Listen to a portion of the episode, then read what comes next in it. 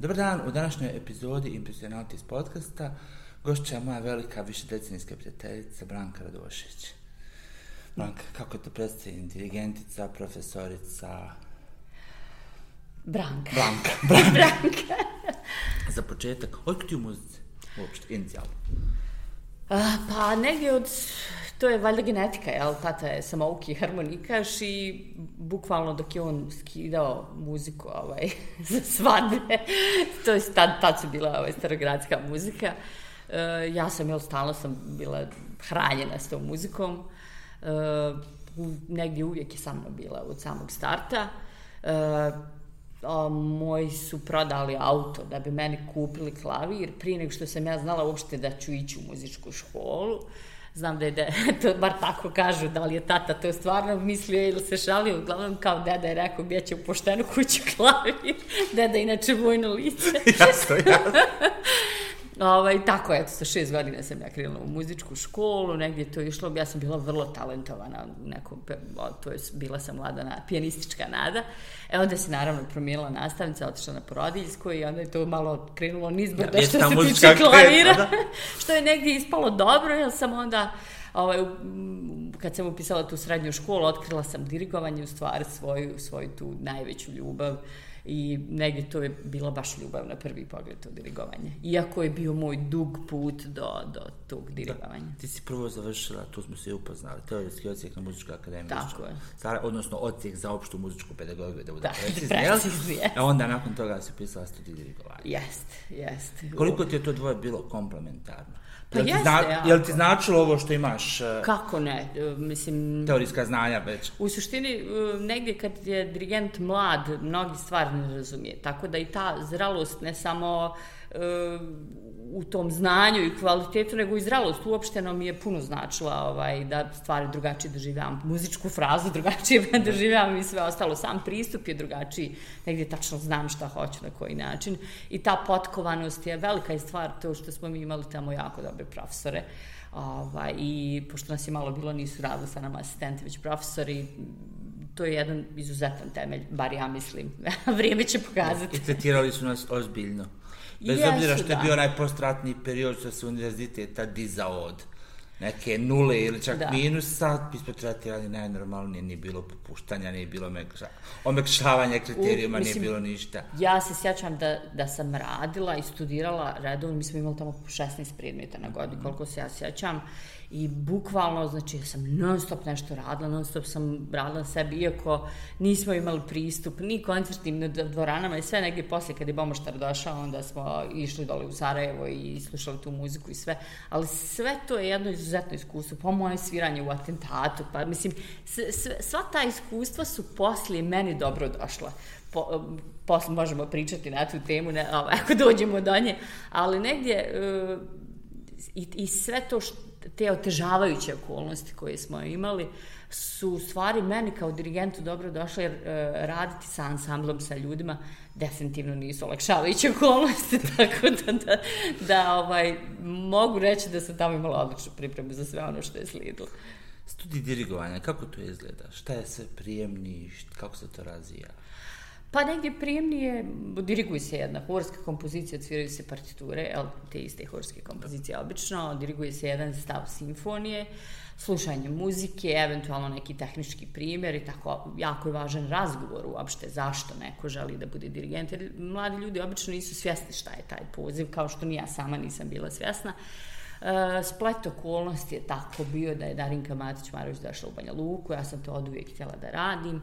E, bio je još jedan kandidat e, koja je bila godinu ispred mene, ona je samo nastavila studij koji je počela u Sarajevu i tako, eto, tu smo negdje počeli.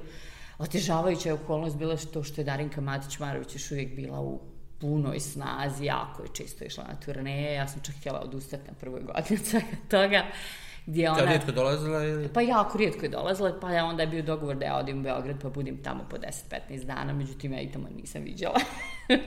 onda sam poludla u jednom momentu i rekla da će se napustiti. I kad su oni e, njoj to prenijeli, onda je ona mene bukvalno za tri dana spremila za ispit, gdje sam ja izašla na koncertu, SPD jedinstvo je bilo, ja sam odirigovala dio koncerta za ispit i poslije toga je ona negdje stekla povjerenje u mene I sad, iako ona nije bila tu, ona mi je dozvoljavala da ja radim sa studentima, pošto je druga godina već orkestarsko dirigovanje.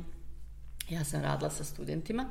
Umeđu vremenu sam dobila da vodim dva orkestra u muzičkoj školi i to je već krenula praksa i tu kad krene praksa za dirigenta nema dalje, to je to. Nije bilo povratka više.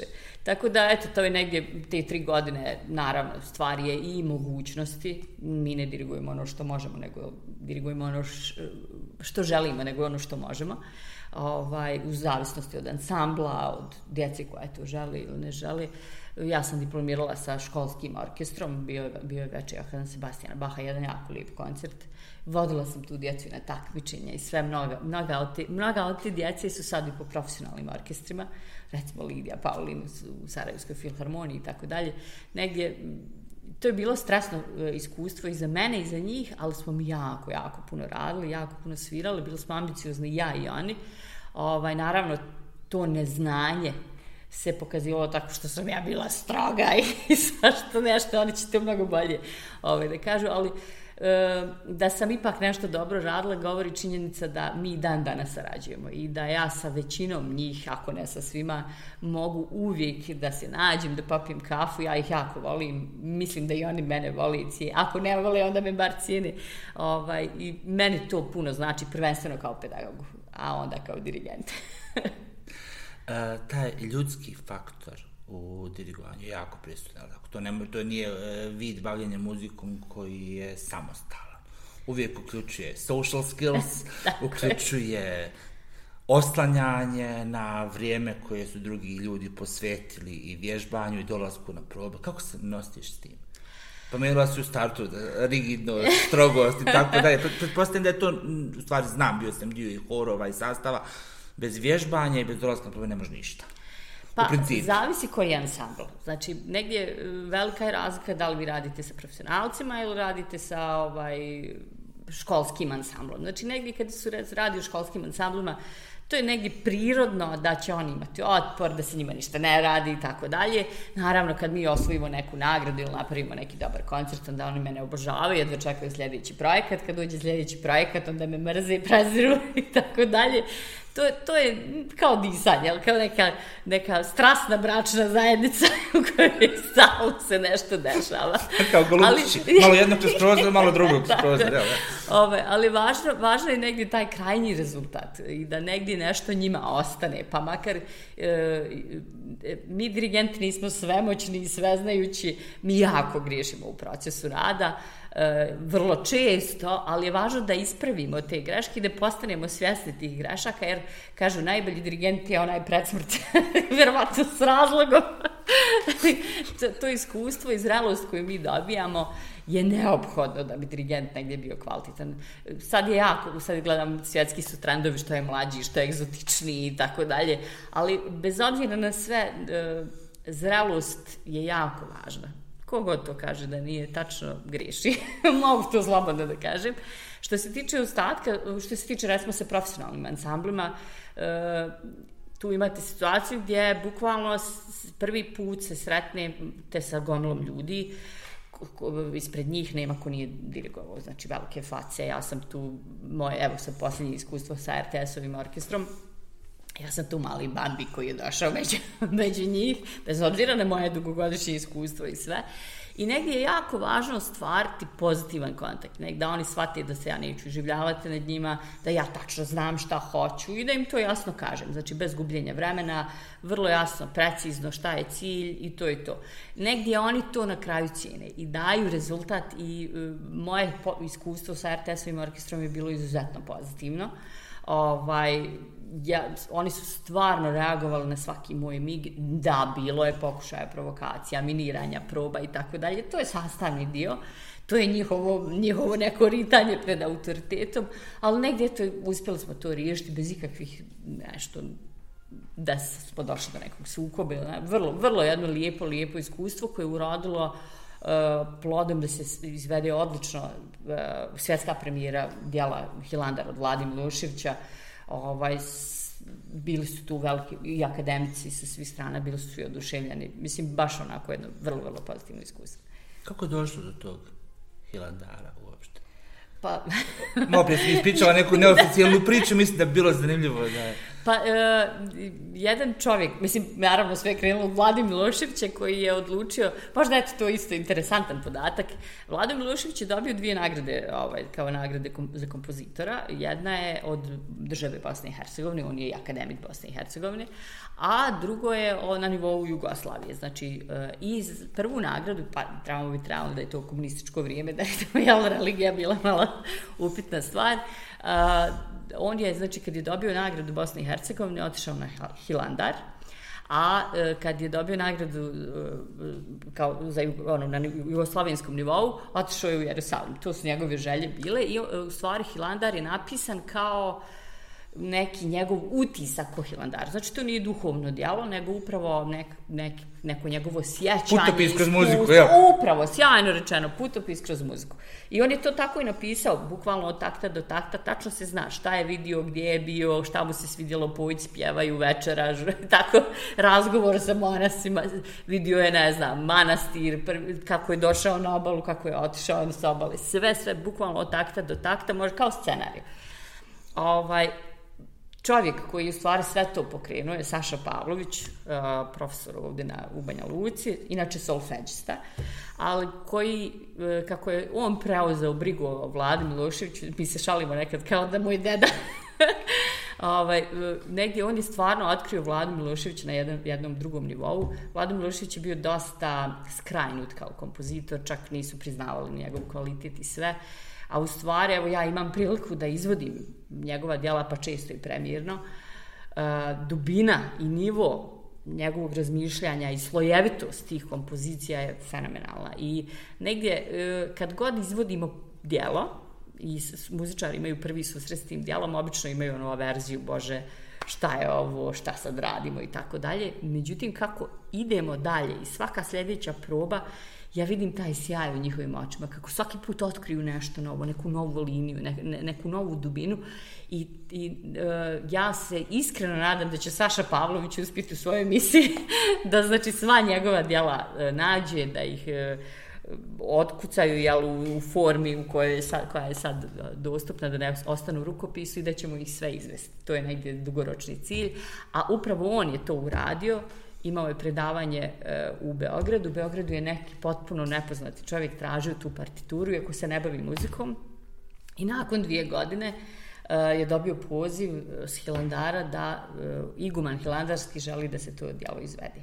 I tako je sva priča krenula, spojili su se sa ove strane Drine svi da se to izvede, izvedena je premijera u Banja Luci, snimano je direktno sve, RTS-u orkestar je bio ovaj, izveo sa, sa nekoliko mojih kolega i studenta. Uh, I izvedeno je u Beogradu na Kolarcu, isto je snimano, RTS je snimao, tako da divna priča, neka poput filmske priče. Odlično. Oni su išli čak i na Hilandar da snimaju kadrove, sve upravo kao mm -hmm. scenario, tako da na koncertu su išli tri kadrovi i sve. Wow. Negde najveći komplement uh, za mene kao dirigenta je bio, moj brat je bio na Hilandaru, isto kao fotograf je nešto tamo radio i uh, E, ni ne bavi se muzikom uopšte, kaže on, tačno sam e, znao šta je muzikom oslikao. Tačno sam mogao da doživim, jer negdje svi misle da je Hilandar kad odiš, ja nisam bila, neću nikad verovatno Dijatić, ali ovaj, da je Hilandar neki mir, e, da je, a u stvari to je duhovna borba. I ta se duhovna borba osjeti jako u njegovom dijelu. Znači, to nije samo jeli, duhovnost, mir, nego upravo da, sad, da ne komplikujem, otišla no. sam u filozofiju, neću da komplikujem dosta ovo dijalogu Vladi Miloševića. Uh, pored tog projekta, koji bi projekte svoje izdvojila kao značajno u svojoj dosadašnjoj dirigentskoj karijeri? Pa, Mislim, nešto što ti posebno voliš. Znam da, da. si imala mnogo toga, tako da je možda nezahvalno tražiti tebi klasifikaciju, ali sigurno ima nešto više voliš od ostalo. Pa, ne, negdje, prvi put kad sam se stvarno osjetila kao dirigent, ne, koncert koji sam ja napravila, tad sam bila asistent od početka do kraja i negdje i dan danas smatram da je to moj jedan od najboljih koncerata. Zašto? Zato što sam ga napravila isključivo sa studentima i to je moje čedo od početka do kraja. E, koncert je... I dva su studenta svirala na tom koncertu, znači e, tri smo dijela izveli, List, S-dur, klavirski koncert, Uh, Dejan Janković je svirao, on je doktorirao, sad je kod nas profesor, izuzetan pijanista. Uh, Milan Savić Totentanc, uh, isto list. Uh, toliko je to sjajno bilo urađeno da ga je Bomoždar vodio da, da svira to sa Dobrovačkim simfonijskim orkestrom. Uh, I uh, uvertira je bila William Tell. Uh, tako da to, to je stvarno bio ozbiljan koncert, odlično odsviran, mislim čak da ima negdje na društvenim mrežama, ovaj, ali stvarno, stvarno sam bila zadovoljna s njim. Poslije toga negdje sljedeći izazov uh, je bio upravo uh, opereta, spomenuli sve malo prije, Offenbach. Uh, Bomoštar je trebao da radi to sa mnom, on je imao operaciju, ja sam isto bila asistent. I sve je palo na mene, da ja sama sa 200 ljudi izađem na kraj, sa mojim temperamentom, sa svim. Uh, to je Jasmin ovaj, je bukvalno umirio na sceni, njemu je puklo slipo crijevo. Mi smo ga molili da on ide u bolnicu, da on je sam napisao da ne želi da, da ostane u bolnici, znači on je iznio taj projekat da ne bi propao taj projekat zbog toliko ljudi. Ja, ja u životu nisam vidjela niko ko je bio veći profesionalac od njega, njemu je bukvalno život visio koncu.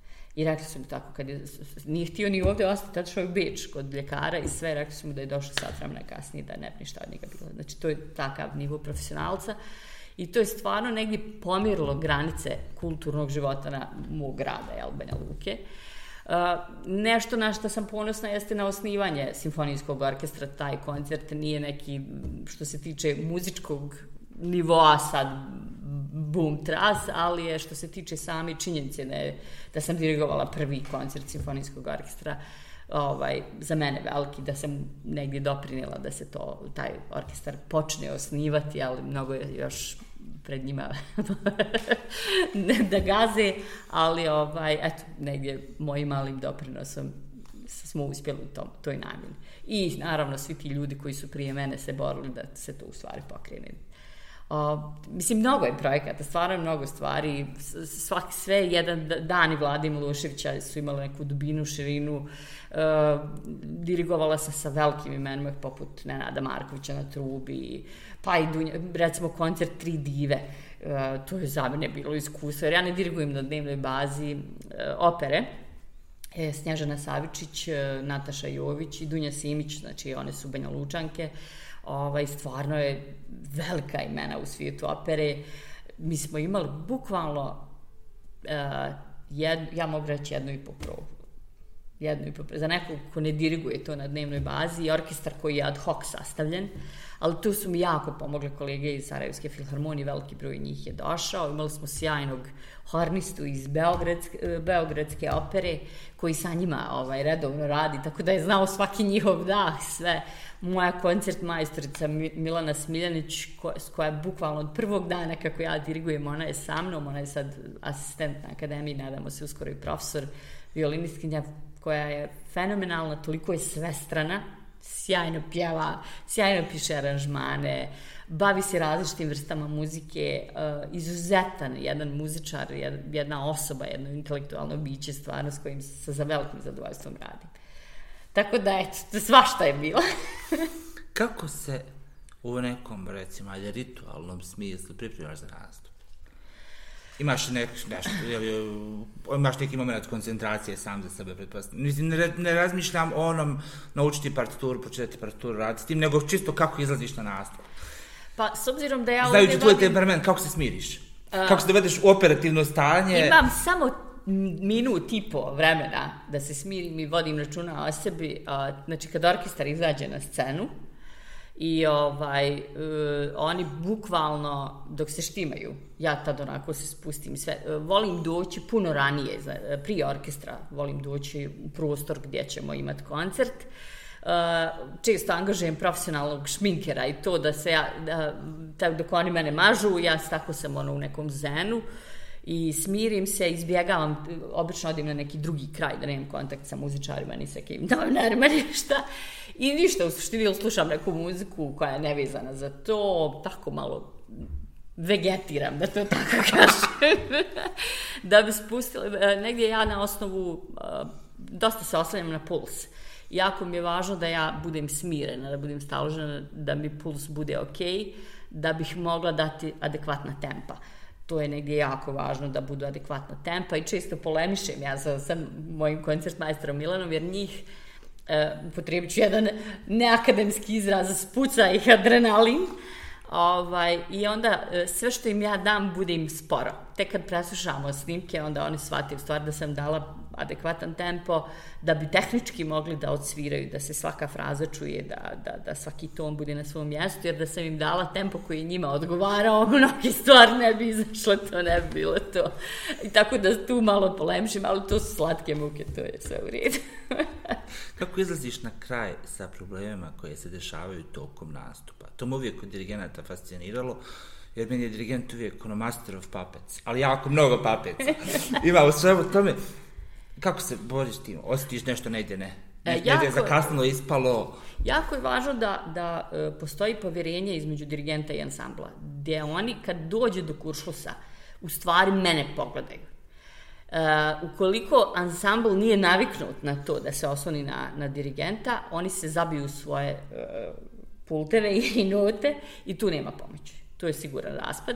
Ali ukoliko me pogledaju, ja onda imam mogućnost da da utičem na, na to, jer ja imam kompletnu partituru i tačno postoji naravno uvijek mjesta u partiturama koja su korone, usporavanja, tema se ponavlja ili tako nešto gdje oni prepoznaju pa mogu da utiču i naravno oslonac zato i dam ja znak kažem im koji takt ili oni sami prepoznaju ja im dam znak za upad i oni znaju otprilike gdje su možda ne znaju takt ali znaju otprilike pa mogu da upadu tako da nije to toliko strašno to su normalne stvari koje se dešavaju naravno prvi put kad se desi na sceni to je trauma ali svaki sljedeći put to je tu je u opisu radnog mjesta i, i, i ideš dalje. Što kažeš povjerenje, znam, znam smo, ne znam jesi ti bila tad u Doboju s Domoštarom nastup, pjevali smo Evergreen, golemu čečkalicu, da. i ono raslo drvo se ponavlja četiri, pet puta u raznim ubrzanjama, e, preskočili smo jedno. Ali smo gledali u njega. Da. I ništa nije, nije bilo posljedice. Nije bilo problema, nije bilo da. Gledali smo njega, nema šta. Njemu vjeruješ, njegova Upravo. gestikulacija, izraz lica, vjeruješ, Upravo. on vozi, on komanduje, jasno sve, idemo dalje. To je najvažnije. Kad sam prvi put osjetio taj euro, povezano s dirigentom. Posle sam to u kamernom kursu radio, radoćem jako. Često osjećao isto tako njega, ne, ne možeš da ga daš u note. Znači, e, ne, nešto ti on brani, nego ne možeš da ga daš u note. On, iz, on, on svira tobom. Recimo tako. Pa dobro, u orkestru oni moraju da gledaju note, to je ja, ne, ne, na ja, ja, perifor, Na to i mislim, ali ne možeš da se zabiješ Ali povjerenje je jako važno, znači taj osjećaj da će dirigent da iščupa situaciju adekvatno. Ako, ako se desi. Ja. Yes. Ako se Na, nadamo se da neće. Jeste li imala dirigencije angažmane koje ulaze u područje popularne muzike, a koje uključuju simfonijsku? Uh, da, da. da, pa uh, rock simfonija, jel, koja je poznata, negdje upravo oni su odlučili da napravi nešto na tom nivou, što je jako fina ideja i sve, međutim, uh, E, Zagdazi su malo veći zaloga iz razloga što band nije uopšte poznavao note. A, naravno, Misliš kao čitanje nota? Kao čitanje nota, jeste, sve su radili na bazi skidanja mm -hmm. muzike, a s druge strane, imali smo muzičari koji su uglavnom hendikepirani tokom školovanja, ne, što se tiče improvizacije. Crippled, ja. jeste.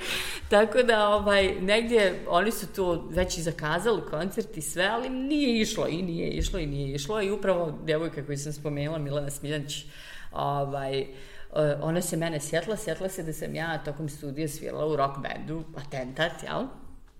I ona je mene nazvala i rekla, ako nas vi ne spojite, neće niko. Dobro, rekao, slušaj, ja neću te dirigujem, ja neću, znači, hoću da vam pomognem, ali nemojte računati na mene dugoročno. Mm -hmm. I stvarno ja sam sa njima ovaj, sjela odradila, jer mi je jasan taj koncept kako razmišljaju jedni, kako razmišljaju drugi bilo je tu situacija gdje i ovi nisu neke stvari dobro skinuli, tako svašta je tu bilo, ali smo mi to upakovali. Za prvi koncert to je bilo onako entuzijastično. To su bili potpuno napisani aranžmani za sve instrumente. Jesu bili, tako je upravo, između ostalog Milana je pisala pola mm -hmm. tih aranžmana.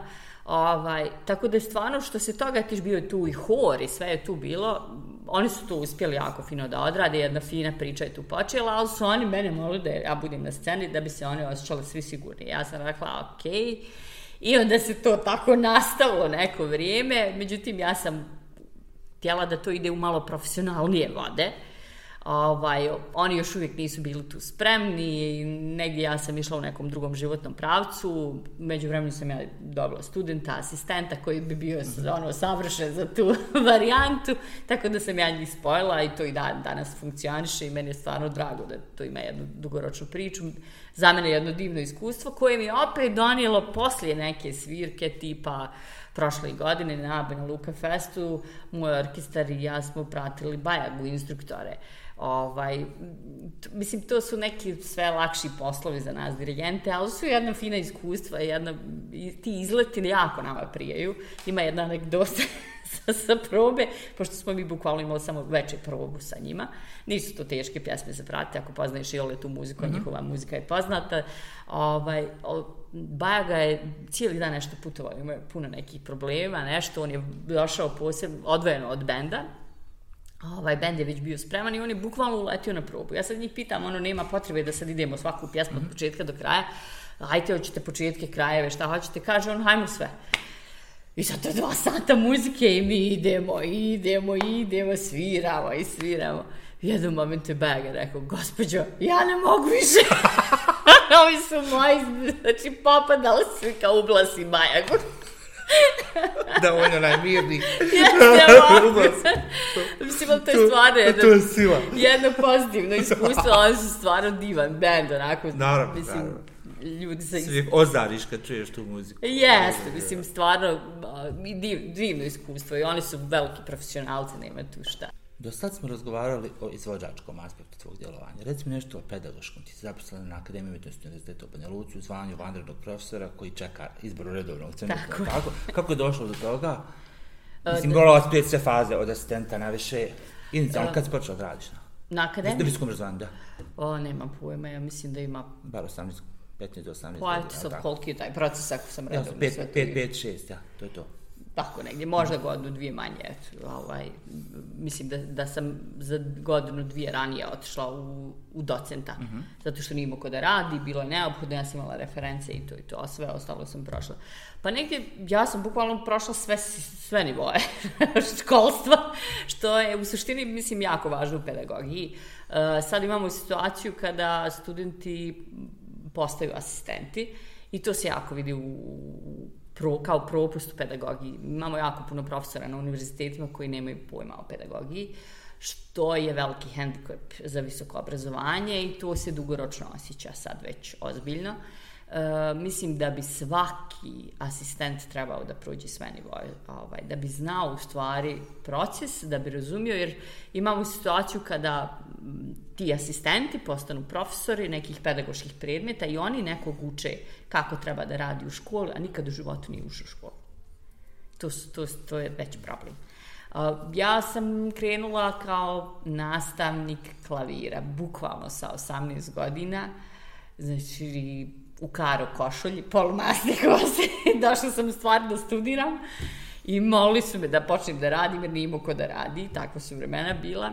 I sjećam se, prošlo je pola godine i moja mama je došla i kad me vidjela kako ja radim, tela da me nije. Otišla u butik neki kupila mi garderobu, nema više nikad takva da odiš u posao. Ja sam to dosta dobro instinktivno radila. Ja sam vrlo rano krenula da vodim učenike ovaj, na takmičenja. Evo, sadašnja dekanca u Istočnom Sarajevu, moja učenica. ne znam da li se toga rado sjeća ili ne. Ovaj, Možda ima PTSP. da, vrlo moguće ali negdje znam da su ovaj, obično strašno djecu, ovaj, ako ne budete dobri, ćete kod brake. ali meni se čini da, da je dosta te djece iz moje klase nastalo dalje da se bavi muzikom na ovaj ili na onaj način, što znači da sam ipak povišta nešto radila kako treba. Uh, meni je to mi sve onako jedno fino iskustvo, bilo mi je malo naporno, jer sam ja tad bila još uvijek mlada, izlazila sam, redovno sam studirala, znala sam spavati bukvalno po dva sata dnevno da bi sve nadoknadila, ali jako se rado sjećam tog perioda svog, svog, svojih prvih studija, bez obzira što je to bilo postratno vrijeme i, i sve. Ja sam taj period proživjela punim plućima, stekla sam divne prijatelje, evo, između ostalog i ovo prijateljstvo.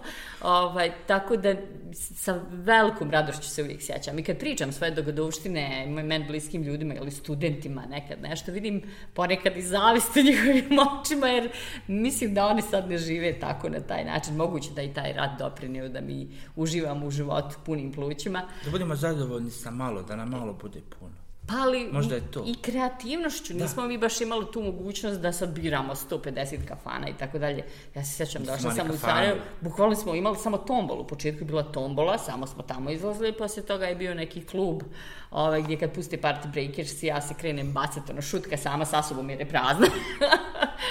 ali mislim, generalno stvarno, sve je to jedna velika avantura bila. Sjećam se prvi koncert rock koncert u Sarajevu, Fiju Briju neka ovaj, su organizovali. E, znači, svi smo pokupovali karata, milion, bio je samo jedan autobus koji vozi do 8 sati, inače moraš pješke ići u grad, da u Sarajevo. Mislim, to je, koncert je trajao, mislim, 6-7 sati, nema ko nije svirao, od majki, pušenje, Vlatko Stefanovski, sve živo, sve, mislim, kultni bendovi. Pa to je prvi rock koncert poslije, ne znam koliko. Ali negdje stvarno, stvarno sam uživala. Poslije toga sam došla u Banja Luku a, i negdje imala sam otpor od direktora. Nismo se veli još od srednje škole dok mi je bio profesor, ali negdje vrlo brzo me zaposlio i ovaj, prvo sam radila predmet solfeđo i partiture ili tako nešto, ne znam nije više. Solfeđom se nikad nije sviđalo zato što sam smatrala da je to vrlo odgovoran predmet i onda sam se ja mijenjala sa drugim nastavnicima, dobila sam teoriju muzike, tako te teoretske predmete. U međuvremenu se oformio orkestar, ja sam već upisala dirigovanje ovde i odmah su mi dali orkestar niže škole i srednje škole i tako, eto, negdje se sve to kristalisalo. Međuvremenu sam ja dokazala da ja to radim kako treba, dobila sam ponudu da radim na akademiji i tako. Eto. Koje predmete držiš konkretno? Trenutno, u ovom semestru recimo, ajde.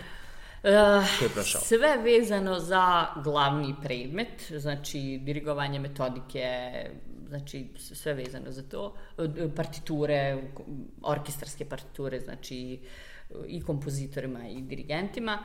Držim operski studio, držim što se tiče, imaju, imaju predmeti e, imamo jedan predmet, mislim da samo kod nas taj predmet ima, dirigovanje školskim ansamblima na masteru, gdje u stvari studenti upra, uh, iz pedagogije upravo dobiju mogućnost da u praksi vide kako to izgleda voditi hor i orkestar. Znači, to su obično, obično ad hoc ansambli koji se mijenjaju iz godine u godinu i negdje je moja, moja želja da ih osposobim da oni budu u stanju i da skinu pjesmicu ako treba nešto, da napišu aranžman, da, da vide kako da rade, da ne komplikuju, ako imaju mogućnost za dvoglas, troglas, znači da se negdje i djeca zabavljaju, da oni budu korisni, jer su oni na, na prvoj liniji fronta prema, yes. što se tiče ljubavi za muziku i negdje često nastavnici se izgube i izbjegavaju da rade huri orkestar zato što su nesposobni, nesigurni ili ne znam. E, ja im samo pokažem da je tu stvar vrlo jednostavno, oni moraju naći hor i orkestar pisati za baš taj ansambl i na kraju izvesti to sve.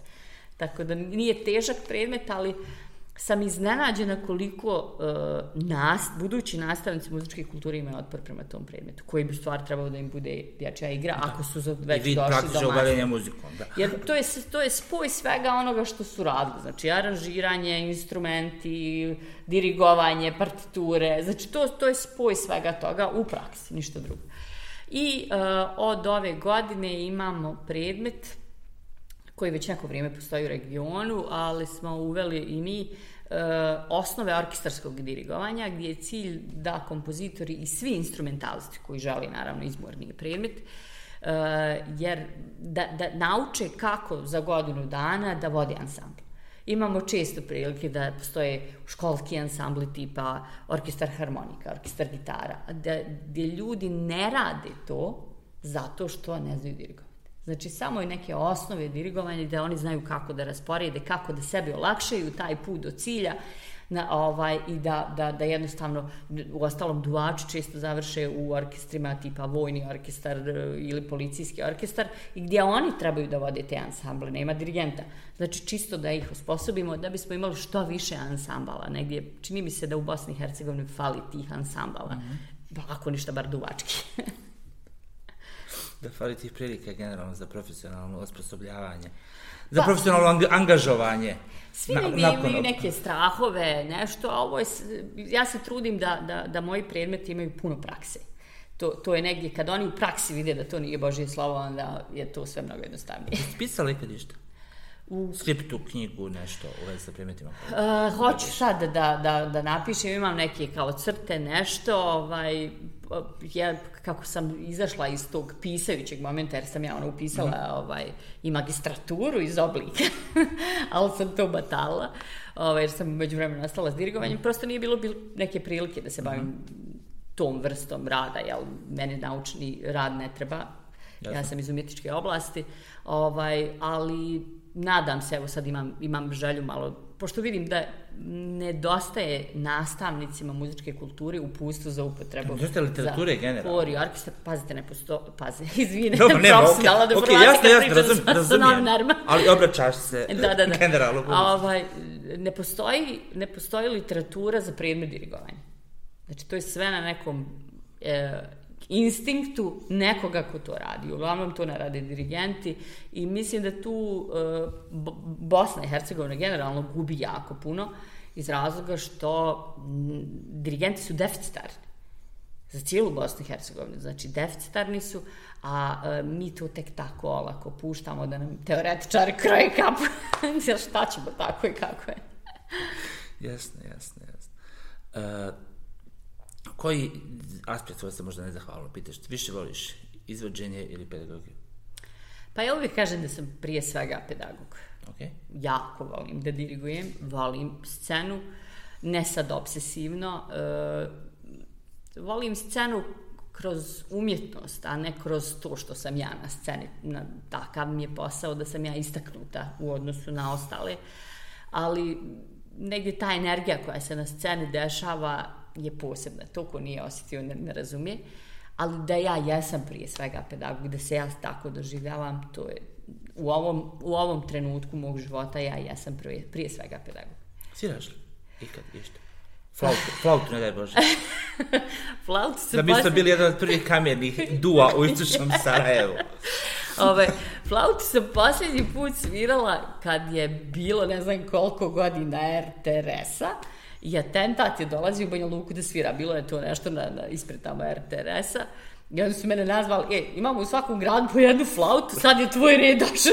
Rekao, ljudi, ja nisam deset godina uzela flautu u ruke. Haj, šta Vre, fali? Vreme ti je, ja. Snađi se, znaš. I ovaj, sjela sam ja, kao obnovila sam ja te teme i svašta nešto, kao uspjela sam ja to nešto da se vratim, ok, mi je bio ton. Međutim, problem je bio što je jako hladno vani bilo i od pa, te kondenzacije su se lijeple klapne pola stvari nije izašlo, ali nema veze, ja sam bila na sceni sa njima, pa sam ostavila tu flautu za poslije. Uh, sviram onoliko koliko mi moj posao daje. Nedostaje mi to da se ja bavim konkretno muziciranjem. Klavir mi nije kod kuće. A ovde obično nemam vremena i baš mi nedostaje taj, taj segment muziciranja, da sam ja, da nisam dirigent, nego da sam samo član nečega. Neće niko da me primi u hor, dirigente ne vole u horovima, da im ne solim pamet. Biću dobra, biću mirna, čutača. Neću ništa reći, obećavam. Odbijaju. Ovaj, tako da, eto, nadam se sad kad prođe sve ovo vezano za ovaj, izbor i tako dalje, da ću se moći malo više baviti s tim, za, ako ništa, bar za svoje duše. Jesi ikad pokušavala da komponiš? Radila sam muziku za dječije predstave u Istočnom Sarajevu. Dobro to, dobro to. to je bio neki izlet. Pa, moram priznati da me to nešto ne privlači, da nisam nešto u tom fazonu, bar ne trenutno, ovaj, recimo, leži me aranžiranje, kad neko, tu prosto imam prirodni instinkt, vjerovatno zato što je toliko partitura prošlo kroz moje ruke i negdje ja to čujem u glavi, sve kad mi neko da nešto, trebamo neka ideja, nije mi to problem, to stvarno osjetim, a, lako dođem do nekih rješenja, ali samo komponovanje kao komponovanje nije mi to sad nešto, ne, nisam, nemam taj izraz prosto.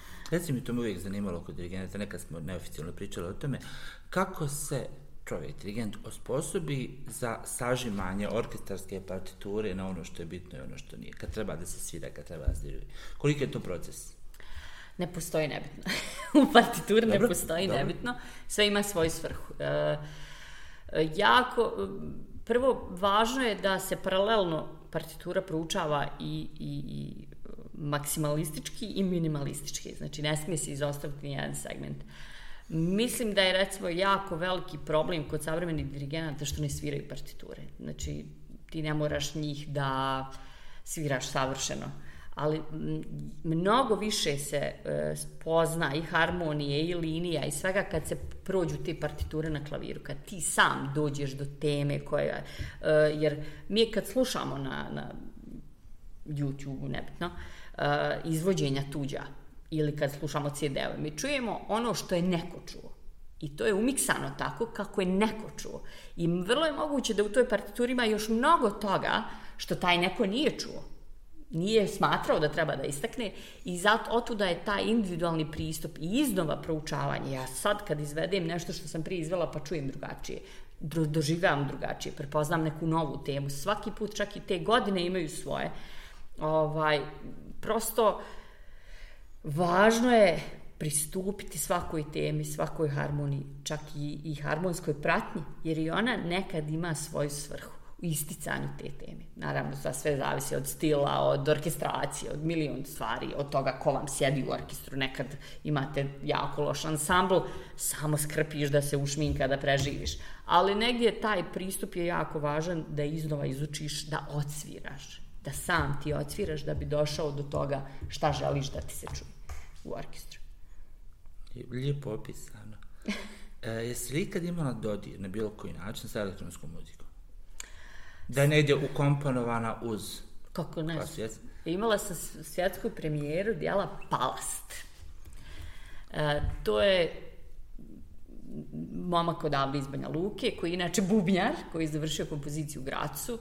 Čak i on je tamo dobio nagradu za doprinos u kulturi. On je tamo, jel, jasno je kakav je stil komponovanja u Gracu, da je to savremena muzika.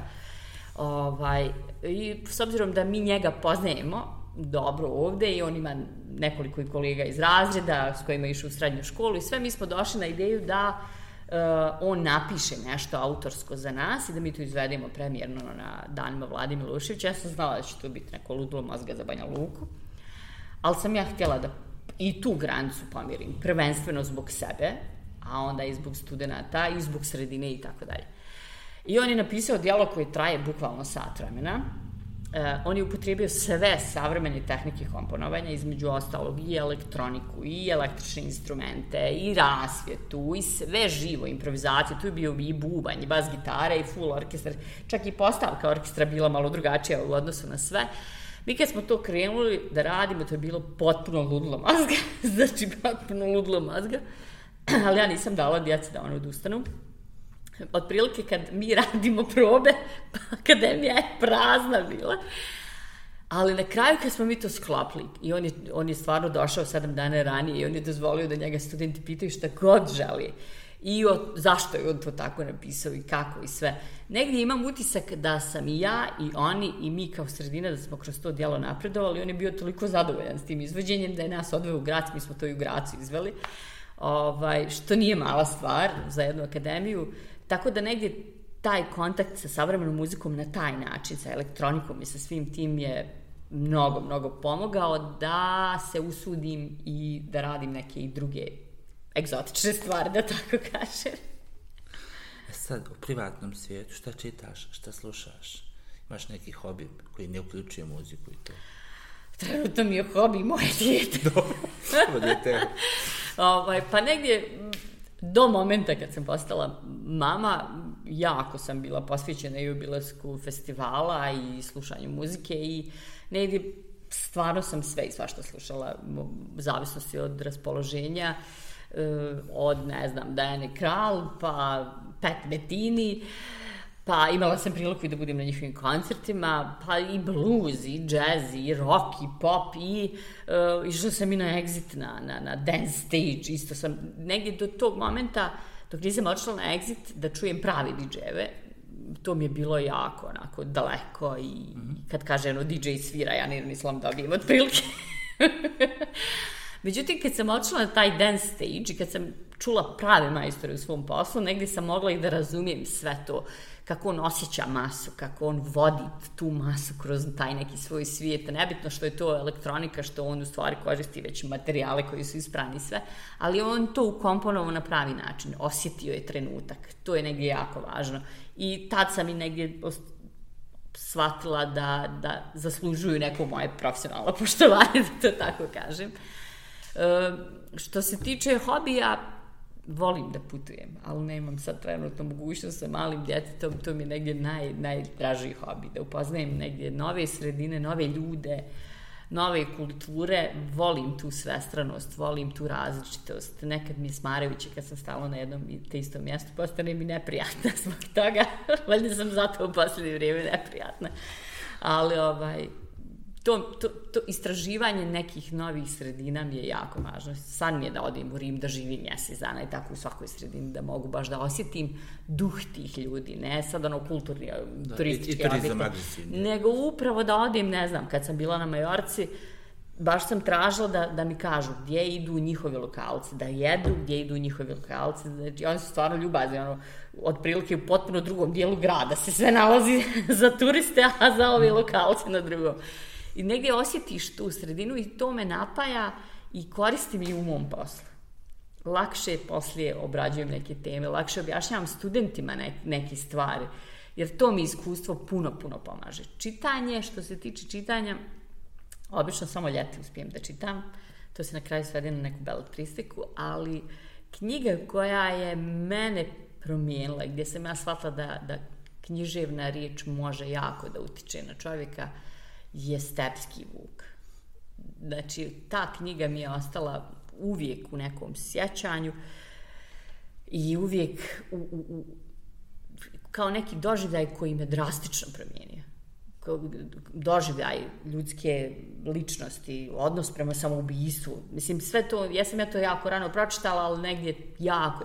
Voljela bih sad ponovo pročitati da vidim iz ovog ugla, poslije ovog životnog iskustva, kako ću je doživjeti, na koji način.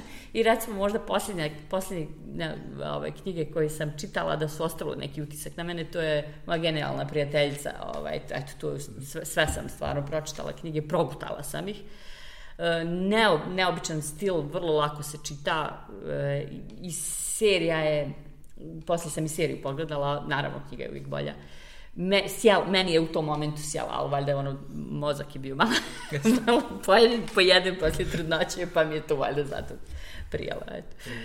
Hvala na odvojenom vremenu, hvala na povjerenju, hvala na brzom reagovanju. Ja smo se dogovorili bukvalno tri poruke, bilo mi je zaista bilo zadovoljstvo. Je, meni je zadovoljstvo uvijek i kad te vidim, kad se tako družimo i kad se čujemo i naše saradnje zajedničke koje nismo spomenuli. o tom potom. hvala, hvala.